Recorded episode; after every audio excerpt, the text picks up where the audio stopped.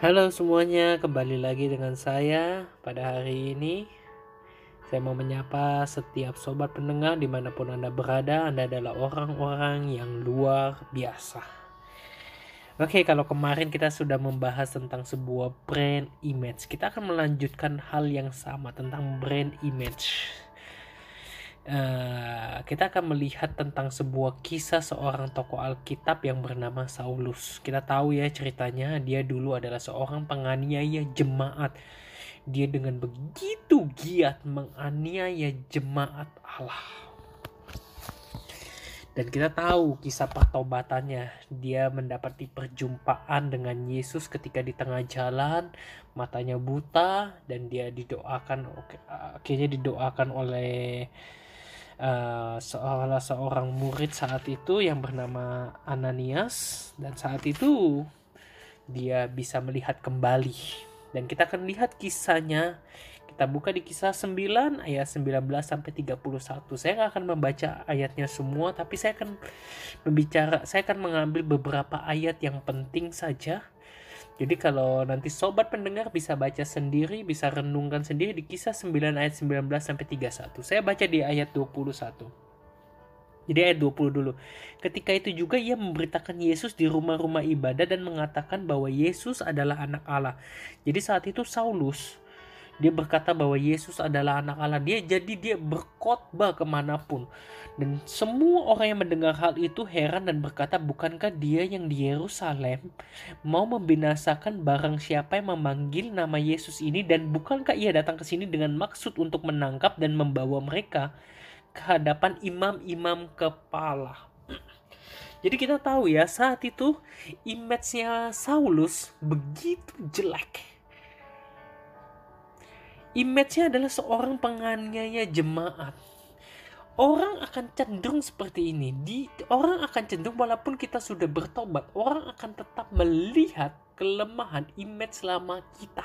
Inilah kecenderungan orang-orang bahkan di seluruh dunia akan cenderung lebih mudah melihat kelemahan masa lalu seseorang daripada kebaikannya.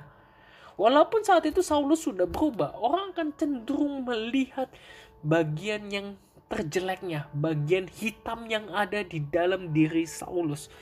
Bahkan kalau kita lihat ya di ayat 26 setibanya di Yerusalem, Saulus mencoba menggabungkan diri.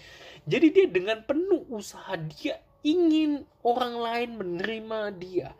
Dia mencoba menggabungkan diri kepada murid-murid tetapi semuanya takut kepadanya karena mereka tidak dapat percaya bahwa ia juga seorang murid. Wow. Karena first impression yang dibangun oleh Saulus saat itu sudah salah. Karena first impression, kesan pertama yang mereka jumpai di dalam diri Saulus adalah seorang penganiaya jemaat.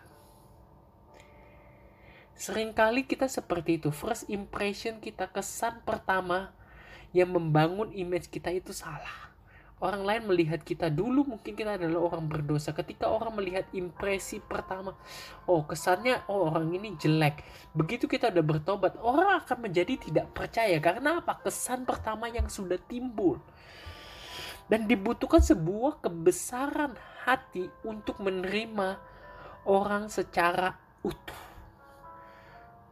Kita bayangin, Saulus itu awal-awal menerima berbagai macam penolakan, bahkan penolakan di dalam diri orang percaya. Bahkan gereja Tuhan menolak Saulus.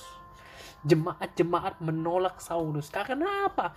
Image-nya adalah seorang penganiaya. Dan inilah yang terjadi kita juga sebagai orang percaya kita gampang untuk menolak orang ketika kita melihat orang itu membuat kesalahan kita tolak dia walaupun orang itu udah berubah yang kita lihat pastilah kejelekannya. Kita nggak mungkin melihat kebagusannya. Karena apa?